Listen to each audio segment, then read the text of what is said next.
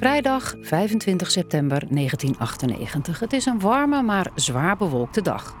Een moeder en haar 25-jarige zoon rijden die dag vanuit Heerlen naar Middelburg. Lopen de stad in naar het Zeeuws Museum op het Abdijplein. In het museum valt het oog van zoon Carlo op een niet al te groot schilderij, zo'n 30 bij 40 centimeter. Er staat een zwarte appelboom op. De achtergrond is donkerblauw van kleur. Echt vrolijk oogt het schilderijtje niet. De volgende morgen, zaterdag 26 september. De museummedewerker die zijn dagelijkse inspectierondje doet, schrikt zich kapot. Een lege lijst hangt aan de muur. De boom van Mondriaan is weg. 25 jaar geleden verdween de Mondriaan dus op klaarlichte dag uit een Middelburgs museum. In de vierdelige podcastserie van Omroep Zeeland, De Verdwenen Mondriaan, pluizen Nadia Berkelder, Mercy Kamermans, Mark van Leiden en Veronique Roeg de maanden na de roof uit. De verontwaardiging over het gemak waarmee het schilderij gestolen werd is groot, blijkt ook in de televisieuitzending van Omroep Zeeland.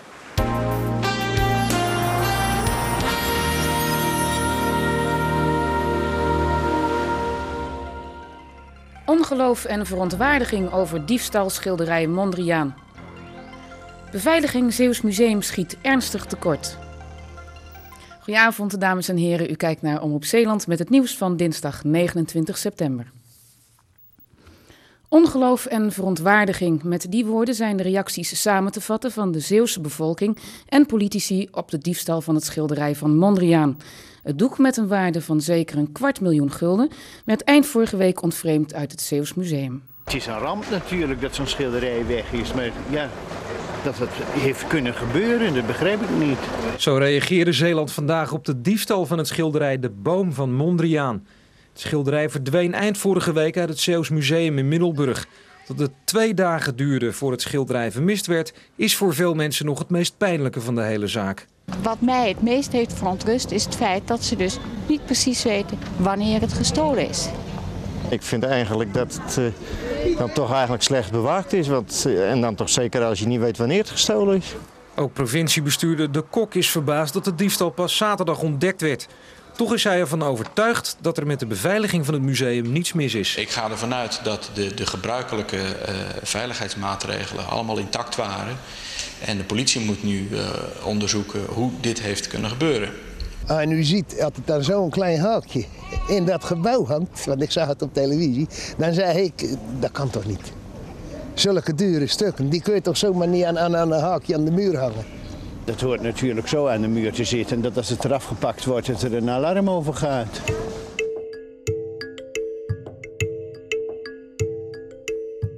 Het klinkt ook best onwaarschijnlijk dat je zo makkelijk en ongemerkt er met een echte Mondriaan vandoor kunt gaan. In de vierde en laatste aflevering van deze podcast gaan we verder in op die beveiliging. Maar we gaan eerst even terug naar Frans, de politieman die we in de vorige aflevering leerden kennen. We zijn gebleven bij de seksadvertentie in de Telegraaf. Heer zoekt jongen, ik ben tot alles bereid. Via deze advertentie wordt contact gezocht met de mogelijke daders. Dik 200 telefoontjes komen er binnen van mannen die wel seks willen hebben met een heer.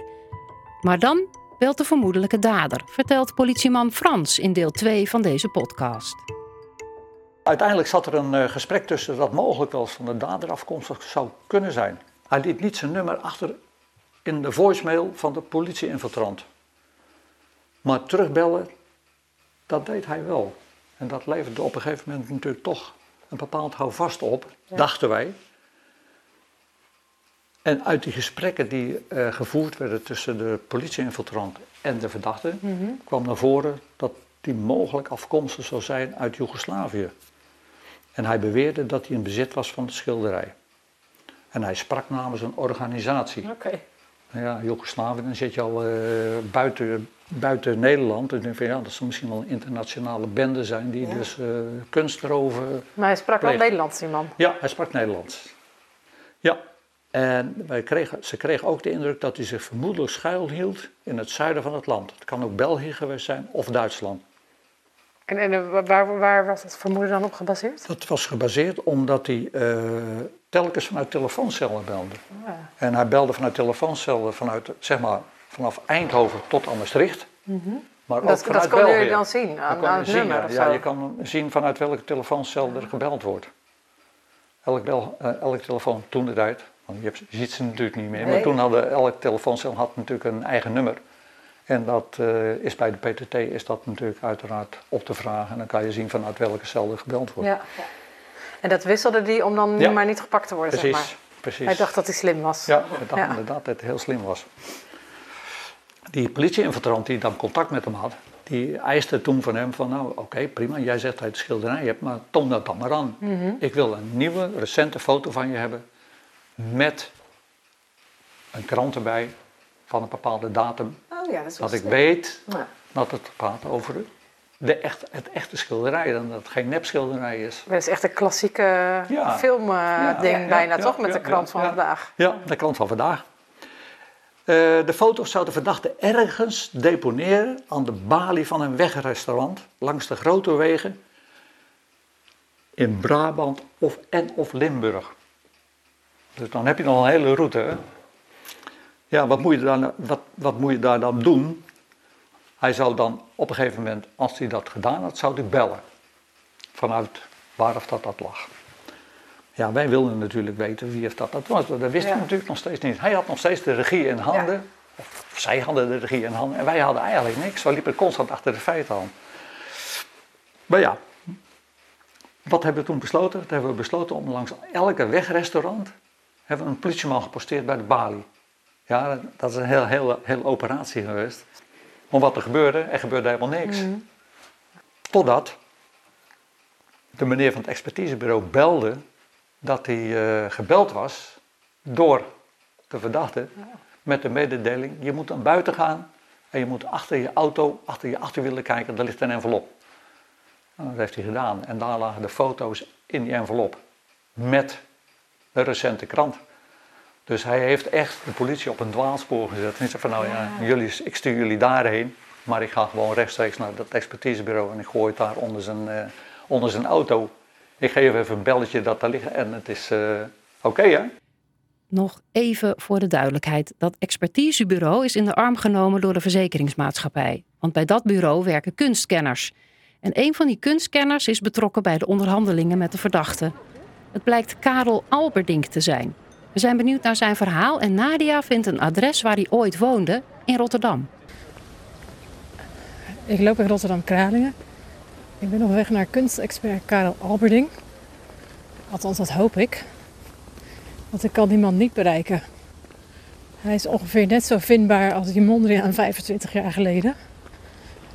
Ik heb hem gebeld meerdere keren en hij neemt niet op. Ik heb hem een brief geschreven met het verzoek om mij te bellen. En daar kreeg ik geen antwoord op. Dus ik heb besloten om maar gewoon naar zijn adres te gaan. Hij woont nu in Rotterdam, althans zou hij wonen.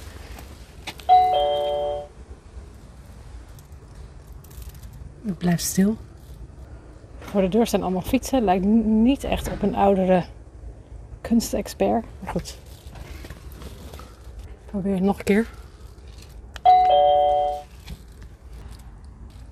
Niemand thuis.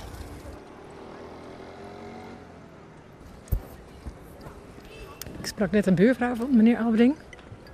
Die heeft daar inderdaad gewoond. Maar dat is echt al heel lang geleden. Zij denken dat hij al 15 jaar geleden verhuisd is en dat hij nu in Frankrijk woont. Ze had nog wel een telefoonnummer van hem in een oude telefoonklapper. Dus dat ga ik eh, proberen. Uiteindelijk komt Nadia in contact met de vrouw van Karel, maar zij vertelt dat Karel niet zoveel meer weet van vroeger. Terug naar de zoektocht naar de Mondriaan. De politie is bezig het gevraagde losgeld te regelen. 50.000 Deutsche Mark. Dat moet je door twee delen om het bedrag in euro's te hebben, dus zo'n 25.000 euro. Wat hij voorstelde, de verdachte, dat het geld uit een rijdende trein gegooid moest worden. En dan zou hij aangeven waar dat de schilderij lag. En in die tijd kwamen de raampjes van de trein nog open. Ja, Denk ik. Ja, ja, ja, ja, ja, ja, daar waren de ouderwetse treinen nog op. In feite, hij stelde voor om het geld uit de rijdende trein te gooien en waarna het schilderij op de eerstkomende station ter beschikking zou komen. Dus dan als ik die een berg, uitstappen, berg ja. op zo'n eh, eruit zou gooien, zou bij wijze van spreken een ettaleur, eh, zou dat dan eh, liggen, dat schilderij. Een ander scenario was niet bespreekbaar. Hij stond erop dat het zo moest gaan gebeuren. Zo niet, dan zou het schilderij vernietigd gaan worden. Maar dat is dan in een tijdsbestek van misschien een dag, of misschien nog wel korter geweest. Ja, wat moet je dan? En toen hebben we nog overwogen om alle stations tussen Berg op Zoom en Maastricht af te posten. En er een vliegtuig of helikopter boven te laten hangen. In de vlucht om te kijken waar of dat er eventueel actie zou plaatsvinden. En had hij dan ook precies een plek aangegeven waar Nee, het dat geld wilde eruit hij niet. moest? Nee, nee, nee, dat zal hij Maar dan aangeven. weet je dat toch ook zal niet hij- in dat welk hij station je moest ja, zijn? dat zal hij aangeven op het moment als de trein zou gaan rijden. Tussen Berg op Zoom en Maastricht. Ja, ja. Maar goed, wij hadden heel weinig tijd. En eh, we hadden wel de beschikking over heel veel observatieteams. Maar ja, om in een korte tijd al die stations te bezetten met observatieteams, dat was geen doen. Het enige wat we nog hebben kunnen regelen is alle plattegronden van de stations hebben we nog gekregen. Maar uiteindelijk is het hele feest niet doorgegaan. De verdachte speelt spelletjes. Na de mislukte treinafspraak hoort de politie een tijd lang niks meer. Pas eind oktober, en het is dan bijna een maand na de roof, laat hij weten dat hij via een telefooncel weer contact op gaat nemen. En toen hebben wij met heel veel observatieteams hebben we alle telefooncellen een beetje in de regio hebben we, hebben, we hebben laten observeren door observatieteams. Dus er waren, misschien, waren misschien waren er wel vijf of zes observatieteams op straat, verdeeld in auto's, zodat we bij de belangrijkste telefooncellen, we hadden natuurlijk wel een paar cellen. waarvan die eerder was Waar die geweest, eerder ja. was geweest, dus die hadden een hogere prioriteit. Eh, hebben we daar een auto geposteerd en om te kijken of dat er mogelijk gebeld zou worden. En wij konden dus zien, en dat hadden we geregeld met de PTT, dat zodra er gebeld werd vanuit de telefooncel, konden wij met een bepaald programma konden we precies zien vanaf welke telefooncel. Dus er was een hele korte verbinding, telefooncel, politie, observatieteam. Dus op enig moment werd er vanuit de telefooncel gebeld uit, ik dacht Heerlen, als ik het eh, goed heb. Ja, ja, telefooncel gebeld uit Heerlen. En daar stond wel een observatieteam in de omgeving. Dus het was telefooncel. Wij zagen het, gelijk doorgegeven, het observatieteam. Die rijden naar die telefooncel en ze zien net een man die telefooncel verlaten. En die stapt in een auto met een Belgisch kenteken en die ging de grens over. Nou, die hebben ze dan uiteraard gevolgd en het kenteken genoteerd. En toen bleken we eindelijk tuk te hebben. En Waarom hebben ze niet gelijk erachteraan oppakken? Nee, maar ja, de prioriteit lag natuurlijk op het, eh, schilderij. Op het schilderij. Ja. En later op de verdachte, om de verdachte aan te houden. Want je kan de verdachte wel aanhouden, maar als je de schilderij niet hebt, dan vind je het misschien nooit meer terug. We weten dan natuurlijk dat hij, hij ging naar België. En op een gegeven moment later in de avond reed hij terug naar Heerlen. Ging hij een bepaalde flat naar binnen. En dat is dan vastgesteld door de jongens van het observatieteam. En toen hadden we ook een flatnummer. En dan kan je natuurlijk bij de bevolking kan je, gaan achterhalen wie wonen daar allemaal. Nou, op dat moment weet je dus eh, een adres. En mogelijk dat dat eh, te maken had met de verdachten.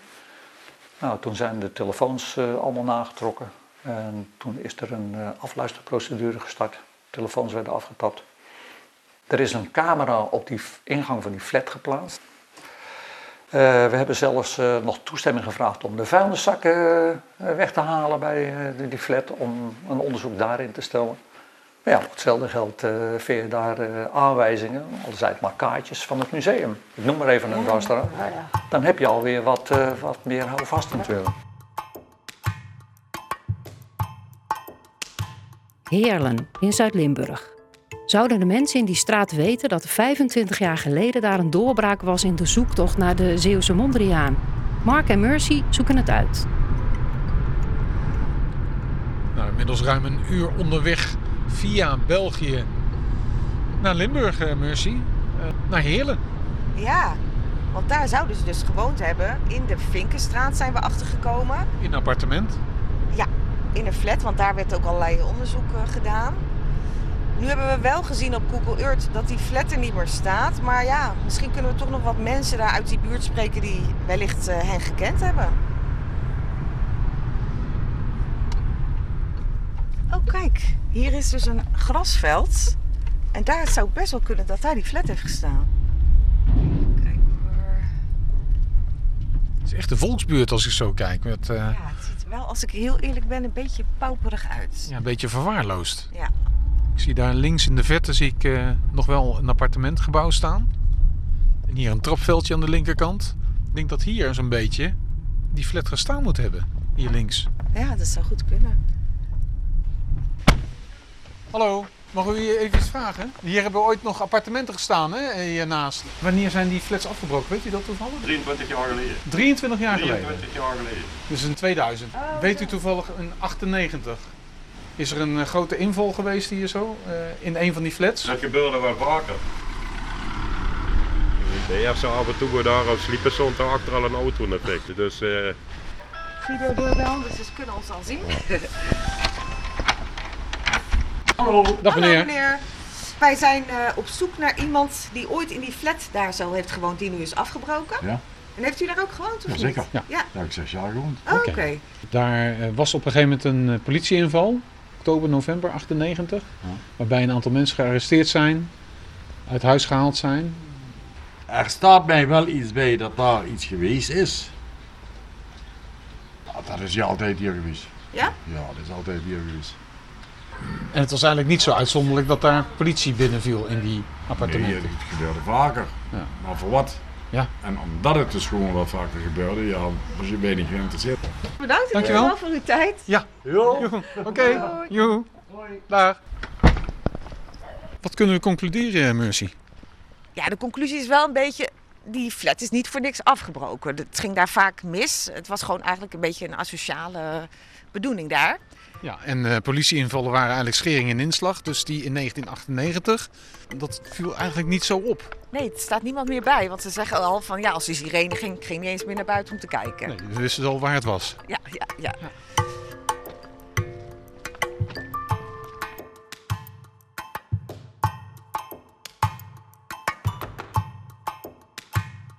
Frans, de politieman die het onderzoek naar de verdwenen Mondriaan leidde, vertelt verder.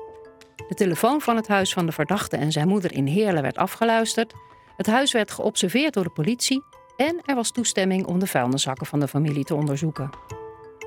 Op een gegeven moment, toen de woning toch nog weer onder observatie eh, stond van het, eh, van het observatieteam, zien zij, een dag later geloof ik dat het was, dat er een man met een koffer eh, uit die flat komt en die zet die koffer in die auto en die rijdt weg richting, eh, richting België. En hij belt op een gegeven moment eh, via zijn gsm naar het adres waar wij dan telefoons op hadden op luisteren staan. Hij had zelf ook een gsm. Hij had zelf ook een gsm. Ja. Vroeg bij. Ja. Dat hij op een gegeven moment eh, belt met zijn moeder. Dat hij aangeeft van ik denk dat ik, dat ik gevolgd ben. Dus ik ga weg. En die is vertrokken richting eh, Belgrado. Oh. En toen was het stil. En wij Wat dachten jullie toen? ja, nou ja, goed, eh, de zaak is voorlopig even, eh, even verloren. En dan moet je je prioriteiten anders gaan stellen. Dan gaan we onze prioriteit anders leggen. Dan wordt dan, als eerste prioriteit wordt aanhouden van de verdachte. En de tweede prioriteit wordt, wordt dan de schilderij. Dat kan niet anders. Eh, Er waren voldoende aanwijzingen om ze aan te merken als verdachte. Want ze gaven in de telefoongesprekken ook wel in bedekte termen aan dat ze in bezit waren van de schilderij. Alleen, je weet niet waar.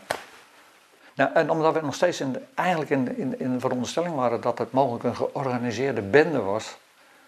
Ja, eh, er is ook zelfs sprake geweest dat er kopers waren vanuit Italië die interesse hadden in de schilderij. Dus ja, dat was gewoon eh, van, nou ja, God zegen de greep als we ooit dat schilderij nog een keer terugvinden. Met een verdachte die gevlucht is naar Belgrado, 25 jaar geleden nog de hoofdstad van Joegoslavië, en geen spoor van de boom van Mondriaan zit het hele onderzoek op slot.